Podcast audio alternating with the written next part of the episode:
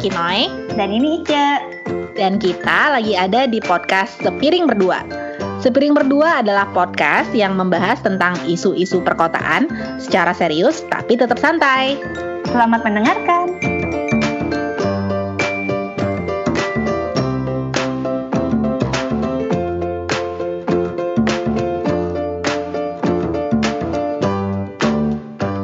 So my motivation to join the Sharet is because I want to better understand about Java's problems and also the potentials.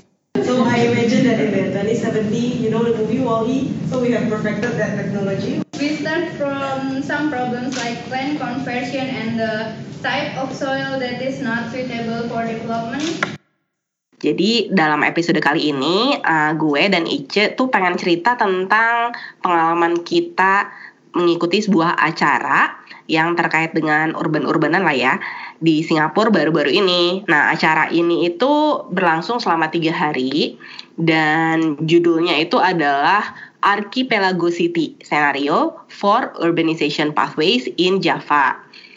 Sebagai anak perencanaan kota acara ini tuh seru banget buat kita berdua. Sampai si Ice tuh bela-belain datang jauh-jauh ke Singapura. Dan gue dengan yang lagi pilek berat ini juga tetap ikutan acara meskipun rada-rada nggak fokus. nah mungkin Ice lo cerita deh dikit. Jadi Archipelago City ini adalah eh, apa namanya kayak semacam workshop gitu atau mini studio eh, tentang eh, apa namanya pembuatan skenario di Jawa 50 tahun yang akan datang gitu. Jadi sampai eh, 2070. Kita peserta diajak untuk sama-sama memikirkan visi Jawa tahun 2070 itu eh, kita maunya yang seperti apa sih? Terus eh, bagaimana caranya kita menuju ke sana gitu. Penyelenggaranya itu adalah FCL atau Future Cities Laboratory. Dia tuh ke apa namanya gedungnya adanya di kampus NUS. Nah, di dalam kegiatan ini eh, apa namanya di awal itu eh, mereka nyetingnya beberapa lecture yang untuk menempatkan atau memberikan konteks tentang Jawa karena eh, tidak semua orang peserta itu eh, datangnya dari Jawa dan dari Indonesia bahkan. Nah dari lecture-lecture ini kemudian eh, oleh fasilitator utama yang adalah eh, Ibu Tunas Devisari atau Ibu Sari itu eh, kita di, dikasih roadmapnya bagaimana cara eh, kita melakukan workshop ini atau planning syarat ini sampai pada eh, akhir kegiatan. Oh ya terus gue lupa bilang bahwa si metodologi yang di, diterapkan di dalam kegiatan ini namanya planning syarat. Eh, kalau misalnya teman-teman di Indonesia itu belum terlalu uh, familiar tentang planning syarat, uh, mungkin aku cerita sedikit yang disampaikan oleh uh, direktur FCL-nya sendiri bahwa planning syarat itu sebenarnya secara sejarah itu dimulai dari uh, gue lupa tahun 1800-an apa 1700-an itu ada mahasiswa mahasiswa arsitektur di Prancis yang sedang membawa karyanya di atas di atas dorongan. Gerobak, gerobak. Gerobak. Dan karena mereka buru-buru ya maksudnya kan e, biasalah kalau anak studio arsitektur maupun plano itu pasti selalu apa ya mepet ke deadline gitu. Sampai belum dipaparkan pasti aja masih ada yang terus ditambah. Nah e, di dalam perjalanan di atas gerobak ini mereka e, e, mengerjakan apa yang belum beres sebisa mungkin dengan waktu yang sangat terbatas planning syarat yang di tentang Java ini kita juga diajak dalam waktu yang sangat terbatas dalam tiga hari padahal kita semua baru bertemu semuanya pengetahuan tentang Jawa ini juga belum uh, sama uh, tapi kita dituntut untuk uh, membuat uh, visi dan skenario Jawa 50 tahun ke depan Flow-nya itu di bawah seperti yang tadi di depan itu ada lecture untuk memberikan konteks tentang Jawa, kemudian kita ada brainstorming tentang masalah Jawa, terus uh, harapan kita tentang Jawa seperti apa di satu kelas uh, untuk seluruh kelas maksudnya. Kemudian kita dibagi-bagi kelompok, ada lima kelompok. Di situ kita mulai lebih detail lagi membicarakan tentang uh, kira-kira gimana caranya kita menuju ke visi tersebut. Tapi di tengah-tengah antara kerja kelompok itu mereka juga memberikan mini lectures yang topiknya tuh uh, cukup beragam. Dan menurut gue mini lecture itu cukup refreshing lah uh, karena kalau misalnya terus-terusan group work nanti takutnya kita stuck atau bosan atau gimana. Dengan mini lecture ini uh, kita jadi oh iya ya dapat ide baru dapat inspirasi baru. Kayak gitu terus uh, apalagi ya partisipan. Partisipannya itu dari uh, orang kalau orang-orang Indonesia-nya itu um, misalnya di kelompok gue ya di kelompok gue itu ada teman-teman yang baru lulus dari Undip tapi mereka sudah menjadi uh, konsultan perencana. Terus ada juga satu lagi uh, yang jadi asisten riset di Undip itu sendiri selain itu ada anak yang masih kuliah di NUS tentang urban studies Terus ada praktisi ekonomi, lalu ada researcher tentang finance, ada yang fokus uh, bidangnya tentang big data, uh, itu dia orang Prancis. Terus ada lagi satu lagi orang uh, Jerman kalau nggak salah dia itu aku lupa fokusnya apa, tapi dia orang FCL sendiri.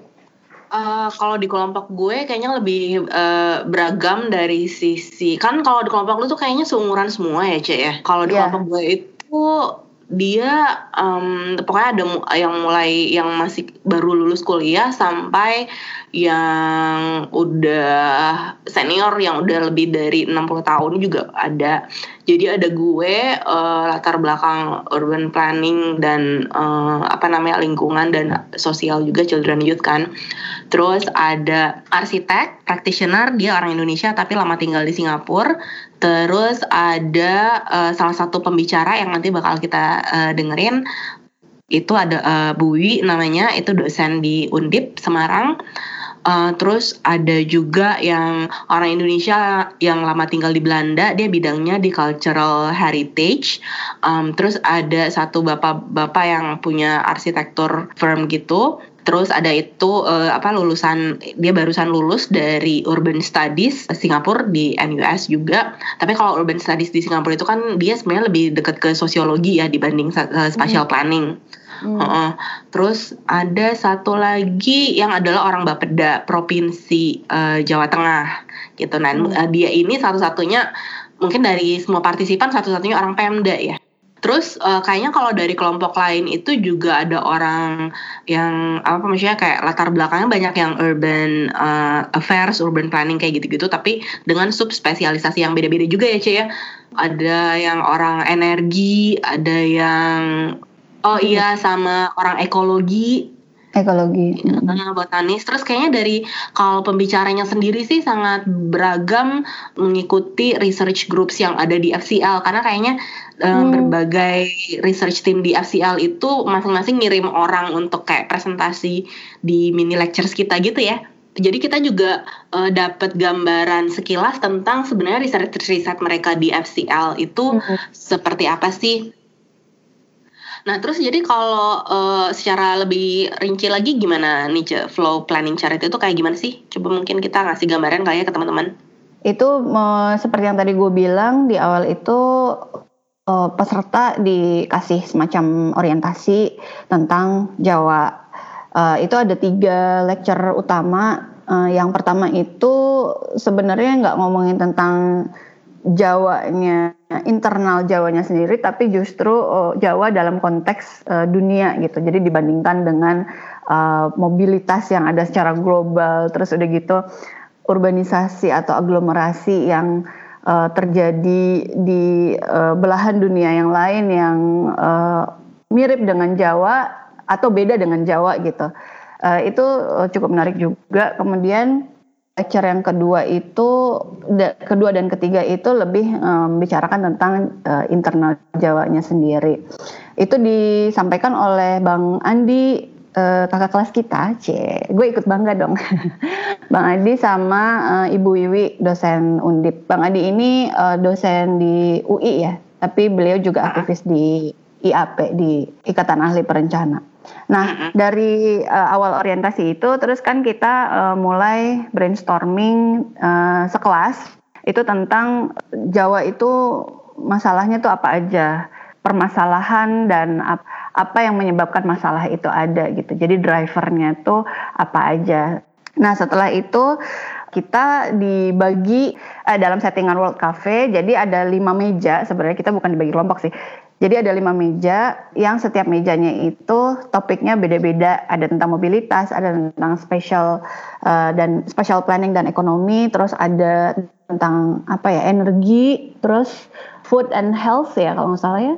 Satu lagi apa ya Nay? Oh disaster, sorry. Satu lagi Oh disaster. iya disaster. Ah, gue ikut. ha-ha.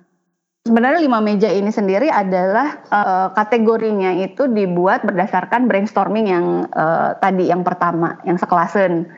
Ternyata dapat lima eh, topik ini, kemudian dibagi eh, di lima meja dan kita setiap 20 menit berkeliling, kita memproyeksikan 50 tahun ke depan kalau misalnya business as usual itu apa yang akan terjadi dengan Jawa gitu kan baik yang bagus-bagusnya maupun yang buruk-buruknya. Pokoknya kalau bisnis as usual, ap- seperti apa yang sudah terjadi selama ini, 50 tahun ke depan Jawa akan seperti apa.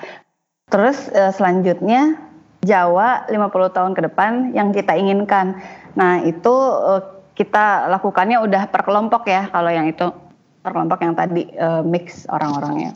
Dan eh, di situ udah mulai membicarakan juga tentang skenario-skenario yang mungkin ada. Kita diminta untuk eh, bikin tiga skenario sih sebenarnya, tapi pada prakteknya tiap kelompok itu beda-beda. Ada yang bikin udah bikin satu skenario utuh, ada yang bikin tiga skenario, dua skenario dan sebagainya. Tapi intinya adalah bikin skenario.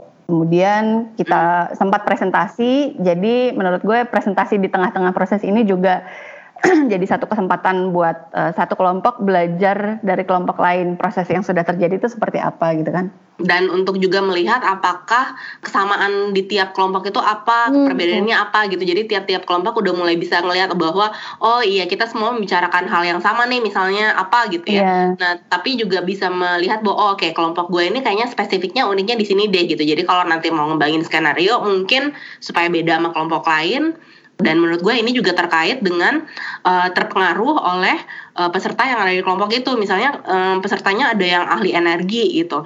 Uh, kayaknya Iya. ya kan kayaknya kelompoknya dia jadinya fokusnya ke energi sangat gitu. ya sangat dominan itu kelihatan banget kemarin wah Mm-mm. ini ada ada mbak yang jago energi langsung apa namanya eh, ter, tercermin gitu di di hasilnya kelompok lo apa Ya kelompok gue itu ya itu dua arsitek dan urban design yang udah sangat senior itu mereka eh ya infrastruktur banget ya. Jadi makanya kelompok gue berat di mobility.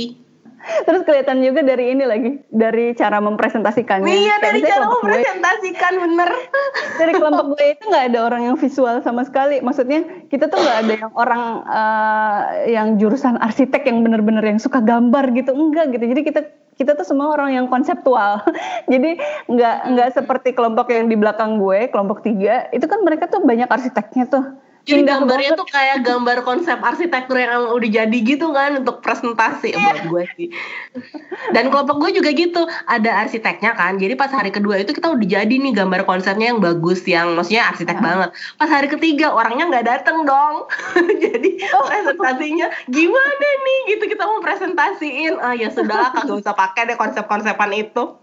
Nah, terus udah gitu, udah ya setiap kelompok tadi kan apa namanya membicarakan eh, Jawa yang kita maui 50 tahun ke depan itu seperti apa, terus skenario-nya bagaimana dan gimana cara menuju ke sana.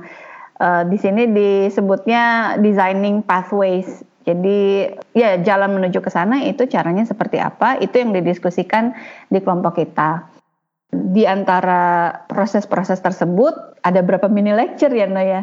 Kayaknya tujuh. Aduh banyak Ada lumayan ada kali ya. tujuh apa delapan gitu. Mm-mm. Heeh. Mm-mm. Si mini lectures ini kira-kira mungkin 15 sampai ada juga yang sampai 25 menitan sih tergantung presenternya. Tapi intinya dia itu mau ngasih ke kita kayak ide-ide baru atau yang lagi trending di dunia riset ya.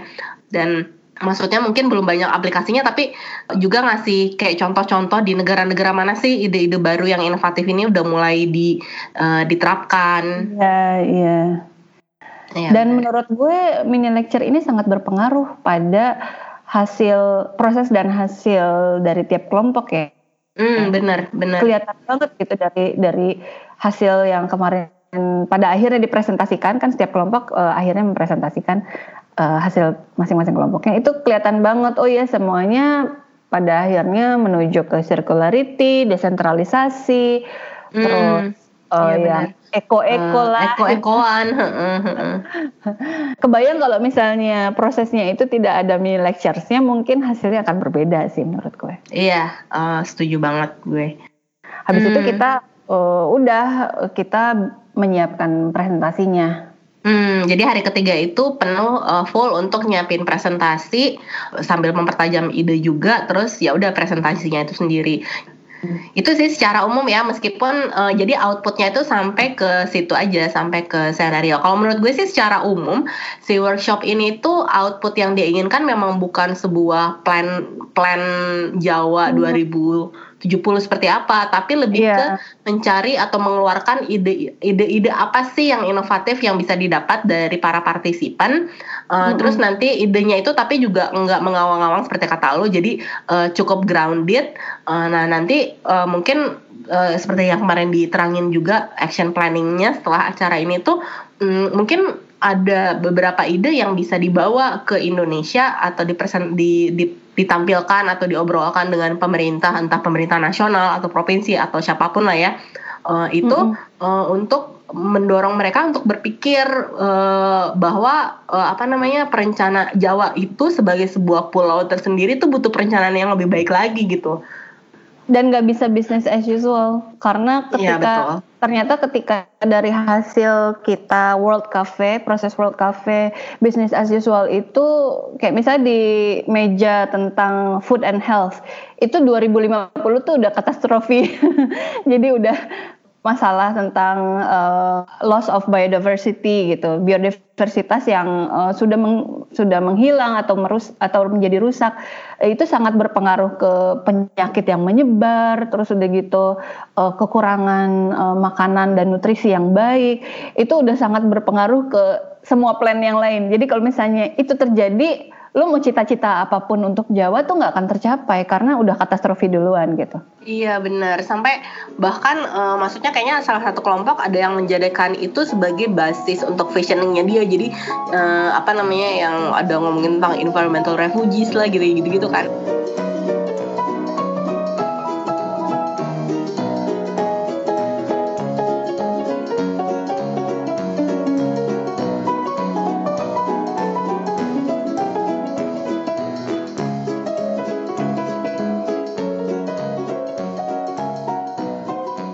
And one of the biggest challenges to bring all the all the idea in the planning document into the implementation is the decentralization.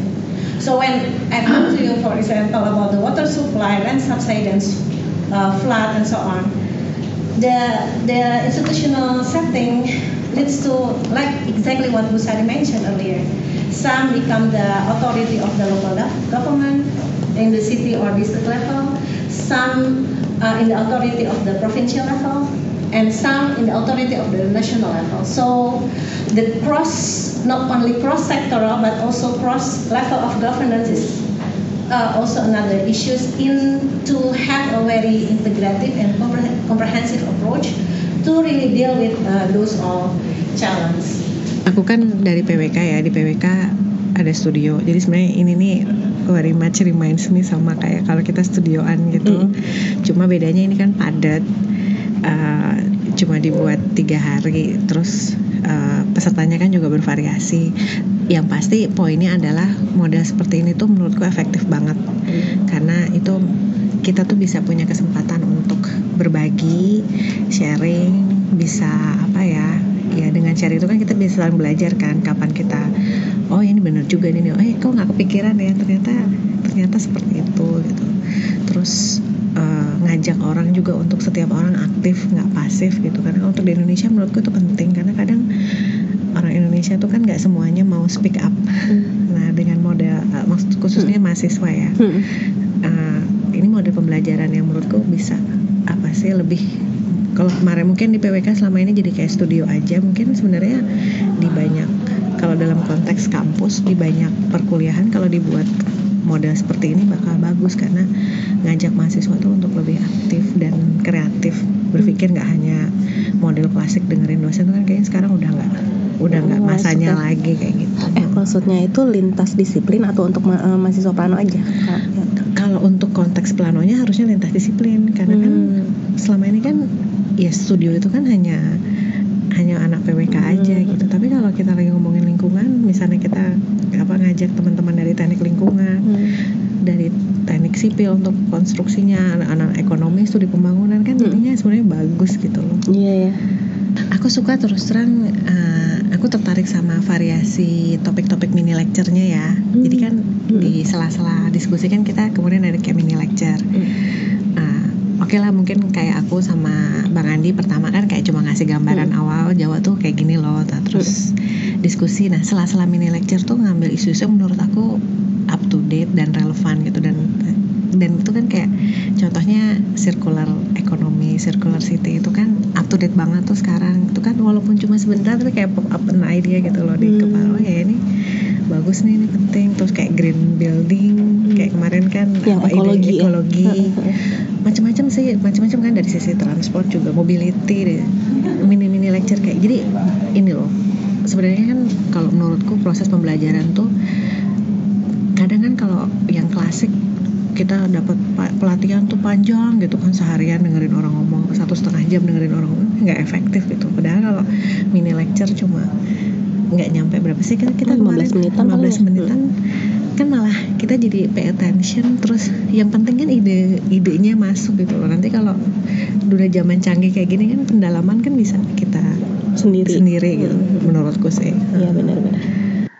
Nah itu tadi teman-teman eh, salah satu atau salah dua eh, dari hal yang berhasil kita rekam pas acara kemarin itu yang pertama bagian pertama itu adalah eh, lecture besar lecture utamanya yang tadi diterangin sama Ice eh, yang dibawakan oleh eh, Bu Wiwi eh, dosen PWK di Undip dan eh, kita juga udah sempat ngedengerin beberapa komentarnya Bu Wiwi ya tentang proses itu sendiri.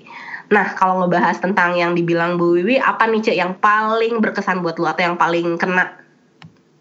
Gue suka banget tuh idenya Bu Wiwi untuk eh, menerapkan semacam planning shared ini ke lingkungan kampus dan eh, kalau di Plano sendiri kan memang iya benar gitu ada kita sudah melakukan studio anyway gitu tapi selama ini studio kan memang cuman buat anak Plano doang bagus juga menurut gue kalau misalnya emang kita mengundang teman-teman dari jurusan lain Soalnya bisa jadi anak-anak jurusan lain itu sebenarnya sudah melakukan eh, riset-riset atau ya pendalaman terkait apa yang sebenarnya direncanakan oleh anak plano gitu atau at- apa yang dibutuhkan oleh anak-anak plano gitu. Jadi nanti kalau misalnya studionya disatukan itu bisa bisa sangat kaya, bisa bisa lebih realistis mendekati problem solving yang diperlukan di dalam dunia ini yang kompleks yang perlu multidisiplin gitu.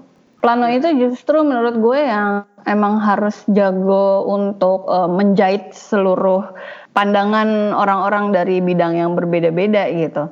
Kita yang harus mem- menjago memfasilitasinya dan anak plano lulusannya nanti jadi terbiasa dengan multidisiplin eh, itu juga berlaku dengan anak lulusan jurusan lain eh, menjadi aware gitu bahwa oh gue tuh melakukan ini tuh harusnya tidak terpisah gitu dari pembangunan sebuah wilayah gitu. Nah, coba kita dengerin lagi kali ya komentar dari teman-teman lain nih yang eh, Hmm. jauh lebih muda dari kita. Yang baru-baru aja lulus ya. Oh ya, aku dari Interplastika, uh, uh, urban planning consultant, tapi sekarang lagi um, kayak ngembangin program riset dari perusahaan yang ada aku di situ gitu. Kalau nama saya Mega, saya sebenarnya baru lulus tahun kemarin sih, terus sekarang lagi eh, kerja di eh, departemen PWK. Oh ya, nama saya Latifah, profesi sekarang sebagai urban planner consultant. Nama saya Nediana, barusan lulus juga beberapa waktu yang lalu. Iya sekarang jadi asisten riset juga. Ini kayak studioan. Kayak studioan. Kayak studioan secara umum kayak studioan in uh, classy and elegant way. Dengan perspektif, perspektif banyak banyak disiplin ilmu Uh, disiplin ilmu jadi tambah ilmu lagi dari banyak perspektif. Kadang-kadang yang nggak kita kepikiran kayak misalnya kayak tadi di kelompok aku kan bio apa tadi Bio bio, governance. governance. Kayak itu tuh nggak kepikiran juga gitu ce- shifting apa governance uh, system gitu kan. Tapi itu tuh muncul gitu loh karena kita working in a group uh, dengan disiplin ilmu yang beda. Jadi kan kayak idenya tuh expertise ya, banyak yang idenya tuh udah banyak. Juga. Ini kan kita kan syarat kan berarti multinasional kan ya. Kerjanya sama uh, multidisiplin dan multinasional karena kan beda-beda Oh, negara kan. jadi ya uh, ya improve pengetahuan lah Uh, gimana cara mereka me, me, me-resolve problemnya. Yang aku agak kagum itu sebenarnya aku nggak nyangka kalau ternyata Indonesia itu semenarik itu di mata orang Iya, luar loh. iya. karena kayak merasa eh, ngerasa sih selama kuliah itu kayaknya masalah itu pasti kayak baik banget. Kalau studion nggak usah mikir deh masalah pasti ada di mana pun Iya, iya. wilayah studinya. Tapi yang nggak nyangka itu ternyata banyak eh, orang yang mungkin bukan orang Indonesia seconcern itu sama tertarik mau Eh, ikut menyelesaikan men- masalah. tertarik mau menyelesaikan masalah kita dengan pengetahuan mereka. Ya, terus dan, dan bahkan mereka juga udah do some research gitu loh yang kayak kita wah ternyata mereka udah udah bikin nih udah ngeriset gitu bahkan yang kita orang Jawa sendiri aja mungkin kayak belum tahu sedetail itu mereka udah punya data apa apa sih sih sama sih. Kayak misalnya kita kayak uh, lihat problem dulu kan terus kayak visi kita kan sebenarnya sama aja tuh. Visi kita apa misi kita apa terus pathway strategi kita apa Strategi, gitu. mm. sebenarnya sama aja sebenarnya Hampir sama, sama, sih iya. hampir sama. Cuman mungkin karena karena ada banyak Eh. masukan dari disiplin ilmu lain jadi yang mungkin kita belum ya jadi kayak familiar mungkin gitu. menurut kita anak plano itu tuh sebenarnya nggak nggak bisa jadi nggak nggak jadi masalah tapi menurut disiplin Ahli yang lain ini tuh ternyata bisa jadi masalah, gitu jadi lebih memperkaya problem uh, tensionnya knowledge-nya. ten- tensionnya juga lebih tinggi karena Iya. mungkin kan anak plano lebih anak plano lebih pengetahuannya lebih umum ya maksudnya kayak kulit kulit luarnya Iya. aja tapi ketika ada ahli dari satu bidang tertentu yang dia bisa menjelaskan itu harusnya nggak boleh kayak gini kita tuh jadi kayak masa sih perasaan nggak apa-apa deh soalnya kita kalau gitu. studio kan masih satu angkatan jadi Masih satu, masih sama-sama sama. plano. satu level satu bidang lah Menurut kalian eh, perlu nggak sih anak-anak plano punya pengalaman yang seperti ini? Iya, perlu banget sih perlu banget apalagi apalagi dapat teman Iya, kelompok dari syarat dari internasional Iya, dan dari disiplin ilmu lain dia uh, yang sudah profesional di disiplin Bidangnya. ilmu lain gitu tuh kayak bener-bener kayak uh, oke kayaknya aku harus perlu banyak belajar lah dari Iya, sini iya. gitu buat uh, buat memperkaya nanti uh, skill kita untuk di dunia pekerjaan atau nanti uh, akhirnya men, apa bisa menentukan oh aku S2 mau ngambil ini inilah gitu fokusnya gitu Nah, itu tadi komentar teman-teman. Gimana menurut lo, Cek? Mari kita komenin. Apa yang paling menarik buat lo? Yang paling menarik menurut gue itu kayaknya suaranya Nediana deh. Dia bilang bahwa ternyata Indonesia itu semenarik itu gitu di mata orang luar dan terutama Jawa ya. Teman-teman eh, maksudnya yang orang luar itu juga ternyata udah sampai ngeriset tentang Jawa gitu. Nah, hal ini sebenarnya yang mem- membuat gue cukup gatel juga sih. Bahkan pas pertama kali gue mendengar bahwa bahwa akan ada cara planning syarat tapi dilakukan di Singapura gitu. Pertama kali itu tuh sangat ngek gitu ke gue. Kenapa di Singapura ya? Emang di Jawa tuh nggak ada yang bikin kayak ginian gitu maksud gue. Gue yakin sebenarnya di Indonesia itu udah banyak banget yang meriset tentang Jawa. Tapi apakah satu sama lain itu berkomunikasi dalam dalam sebuah forum yang sangat sistematik gitu. Yang yuk sebenarnya kita mau bawa ke mana sih gitu tentang Jawa. Lu udah riset tentang apa? Lu udah riset tentang apa? Gue udah riset tentang apa? Kenapa nggak disatuin aja gitu? Mungkin gue aja yang nggak ngedenger. Kalau misalnya praktisi sih kayaknya ada sih, Ce. Maksudnya um, dan mungkin difasilitasi juga oleh pemerintah gitu. Misalnya dalam rangka mencari mencari opini atau mencari masukan gitu ya. Eh, praktisi, Eh, akademisi eh, ya mungkin juga ada mungkin juga ada tapi kita tuh belum ada yang reguler tapi eh, berdasarkan eh, apa event besar yang lagi berlangsung pada saat ini kayak misalnya kemarin uh, ketika lagi penyusunan New Urban Agenda misalnya itu mm-hmm. uh, yang yang komitmen globalnya kan tahun 2016 atau 2015 gitu setahu gue dan Indonesia sebagai salah satu yang uh, apa namanya berpartisipasi dan juga sempat nge-host acara untuk apa namanya uh, mencari masukan dan segala macam di tingkat di tingkat masing-masing negara itu kan juga sempat ngadain banyak event-event uh, besar maupun kecil untuk men men mendapatkan masukan-masukan itu gitu. Dan menurut gue forum-forum itu forum di forum-forum itulah orang-orang yang uh, dari berbagai tempat atau lokasi di Indonesia itu berkumpul. Nah pertanyaannya adalah uh, sevariatif apa dan uh, sekreatif apa masukan-masukannya itu juga kayaknya tergantung yeah. dari peserta pesertanya yang datang tuh siapa yeah. aja. Uh, datang siapa aja tahun ini bakal ada satu hmm. conference besar yang akan seperti itu juga ce uh, hmm. itu conference uh, Isokar uh, tapi intinya untuk planners ya uh, urban planners uh, dan di situ si Isokarp ini kerja bareng dengan IAP Ikatan Ahli Perencana di Indonesia untuk ngadain uh, conference ini. Jadi mari kita lihat uh, nanti dalam nanti kita liput juga kali ya Ce ya acaranya ini seperti apa dan isi yang diomongin seperti apa. Sebenarnya ada juga uh, Urban Social Forum gitu yang udah dilakukan beberapa tahun terakhir uh, itu juga sebenarnya forum yang bagus untuk orang-orang yang semua orang-orang yang concern tentang perkotaan uh, dari berbagai sisi dan itu pun acaranya gratisan jadi beneran sangat sangat terbuka gitu. Itu acaranya sangat bagus cuman memang tidak uh, fokus untuk um, membicarakan visi atau uh, dan permasalahan dan uh, bagaimana cara menyelesaikannya secara spesifik untuk Jawa misalnya gitu. Gue tuh kepinginnya ada satu forum yang memang uh, melihat urgensi ngomongin Jawa sama halnya seperti ketika kita di Singapura kemarin, semua orang tuh sependapat gitu semuanya uh, mikir bahwa ini Jawa tuh emang kacau banget sehingga perlu banget gitu kita uh, duduk bareng untuk mulai mikirin gimana supaya tidak bisnis as usual lagi. Yeah. Uh, dan menurut gue ini juga terkait dengan terkait dan mungkin juga salah satunya akan didorong uh, oleh rencana pembinaan ibu kota itu ke Kalimantan kan. hmm. kan. Kalau misalnya dari metodologinya uh, itu sebenarnya sesuatu yang bisa kita pelajari untuk uh, diadopsi ya, tapi hal-hal yang sangat menentukan apakah si kegiatan ini uh, menginspirasi, membuka wawasan dan uh, berguna itu adalah satu uh, siapa saja yang datang, dua siapa saja yang menjadi narasumber, tiga fasilitatornya. Jadi fasilitator hmm. yang beneran menentukan flow dari kegiatan ini, fasilitator kelas ya maksud gue. Bu Sari sebagai fasilitator itu menurut gue keren banget. Dan dan gue juga sambil sambil mengikuti proses itu gue sambil belajar tentang bagaimana beliau mencoba untuk melibatkan kita peserta ke dalam cara berpikirnya beliau gitu.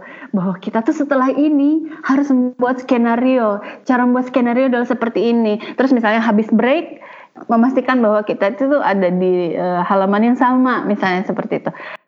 Terus kalau dari uh, narasumbernya ya uh, menurut gue sih semuanya udah udah sesuai dengan yang gue harapkan dan kayaknya memang narasumbernya mengarahkan uh, ke mana si Jawa ini akan dibawa gitu uh, sebagai hmm. sebuah visi seperti yang tadi udah kita obrolin sih dan itu pasti tidak jauh-jauh dengan isu global yang selama ini udah dibicarakan dalam SDGs misalnya gitu. Mungkin uh, satu lagi uh, tadi yang dari sisi partisipannya itu mungkin yang paling terasa adalah teman sekelompok mungkin ya. Hmm. Karena uh, teman se seperti yang tadi lo bilang, teman sekelompok gue itu rata-rata seumuran. Uh, ada sih beda-bedanya mungkin paling paling jauh 10 tahun lah gitu. Tapi rata-rata uh, sih memang masih usia milenials ya.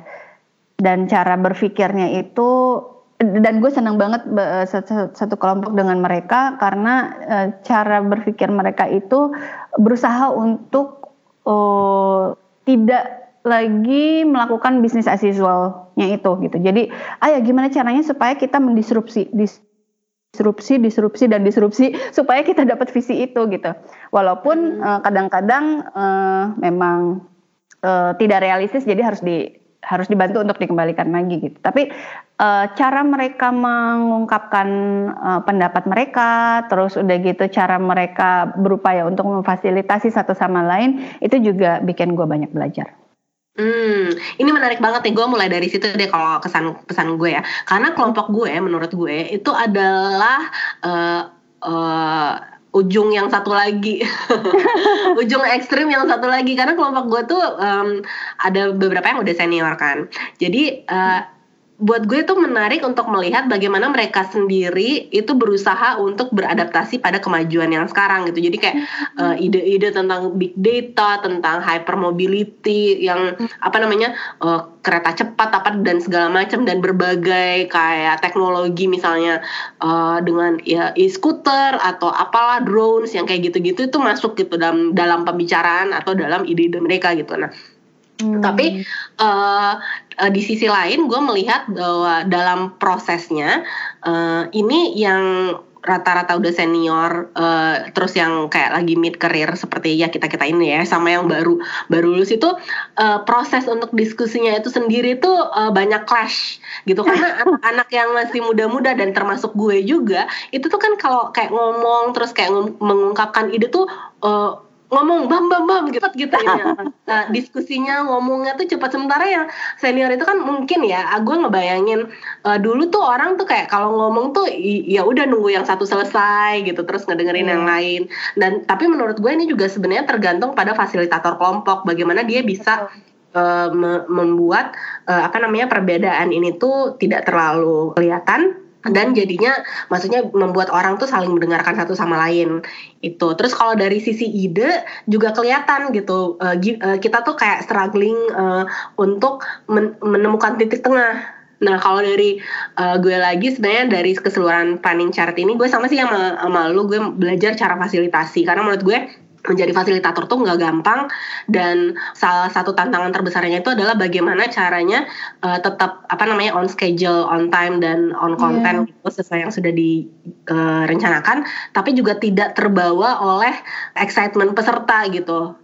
Terus uh, yang menarik lagi itu adalah keragaman dari fasilitator kelompok bahwa fasilitator setiap kelompok itu bisa jadi beda-beda dan dan bagaimana itu tuh bisa mempengaruhi output uh, kalau dari sisi proses ini gue merasa aduh ini eh, makan energi banget ya. Lebih karena Bu, uh, bukan cuma karena panjang bawa 9 sampai 10 jam setiap hari tapi juga karena excited gitu loh. Kayak informasi yang masuk ke dalam kotak tuh banyak banget gak sih? Uh, banyak banget dan kita jadi dan kalau kata kalau kata salah satu anggota kelompok gue sih kalau di sini tuh cepet kenyang tapi cepet lapar juga Tapi ya yang yang gue suka lagi adalah itu di kayak di Singapura kemarin itu kan kita nggak ada nasi kotakan kan. Jadi orang tuh datang memang bener niatnya itu buat belajar bareng, buat kerja bareng. Secara umum gue tuh kurang setuju dengan penyelenggaraan event-event di Indonesia yang persentase energi yang dikeluarkan untuk memikirkan catering, banner, kayak gitu-gitu mm -hmm. terlalu besar kekurangannya apa cek kalau dari perspektif lu. Kalau buat gue sih kekurangannya itu lebih ke oh mungkin hari ketiga itu terlalu panjang sih ya waktu untuk diskusi. Sebenarnya yeah. uh, menurut gue sebenarnya uh, kayak waktu diskusinya itu bisa masukin ke hari kedua aja. Tapi jadi hari kedua itu memang bener-bener kayak capek banget. Terus hari ketiga itu lebih istilahnya udah udah lebih santai gitu kitanya juga kan. Karena yeah. gue ngerasa pas hari ketiga itu dikasih waktu diskusi tiga jam itu yang orang-orang malah udah sebenarnya udah full gitu loh otaknya Terus ha, ada hal-hal yang uh, kelewat mungkin untuk setiap kelompok. Padahal sebenarnya fasilitator sudah sudah mengingatkan sih gitu bahwa teman-teman itu bisa pakai software Yourscape misalnya gitu. Terus atau misalnya sebelum eh pas kita lagi nyiapin presentasi, teman-teman nih ada dua orang uh, dua anak FCL yang bisa dimanfaatin dalam tanda petik ya untuk membantu kelompoknya mem memvisualisasikan apa pun yang kita mau visualisasikan. Nah itu tuh kelewat kayaknya kalau etis dari kelompok gue ya atau kelompok lain juga kayaknya tuh nggak ada yang memanfaatkan itu pada akhirnya gitu.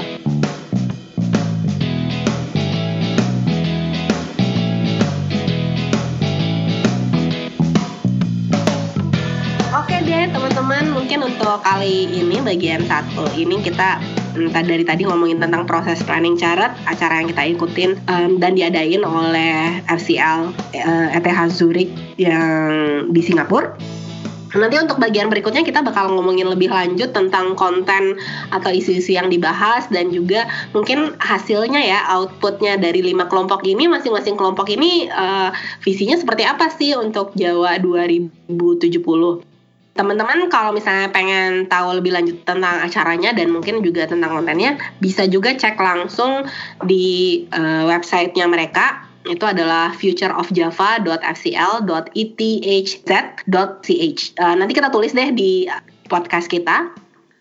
Teman-teman juga bisa kasih masukan atau komentar-komentar uh, tentang apa yang sudah kita bicarakan kali ini ke email kita yaitu apa Noy? podcast.spiringberdua at gmail.com Sekali lagi yeah. podcast.spiringberdua at gmail.com Atau melalui media sosial media sosial uh, Ice sama Kinoy Dan media sosialnya Instagramnya Sepiring Berdua yaitu apa Noy?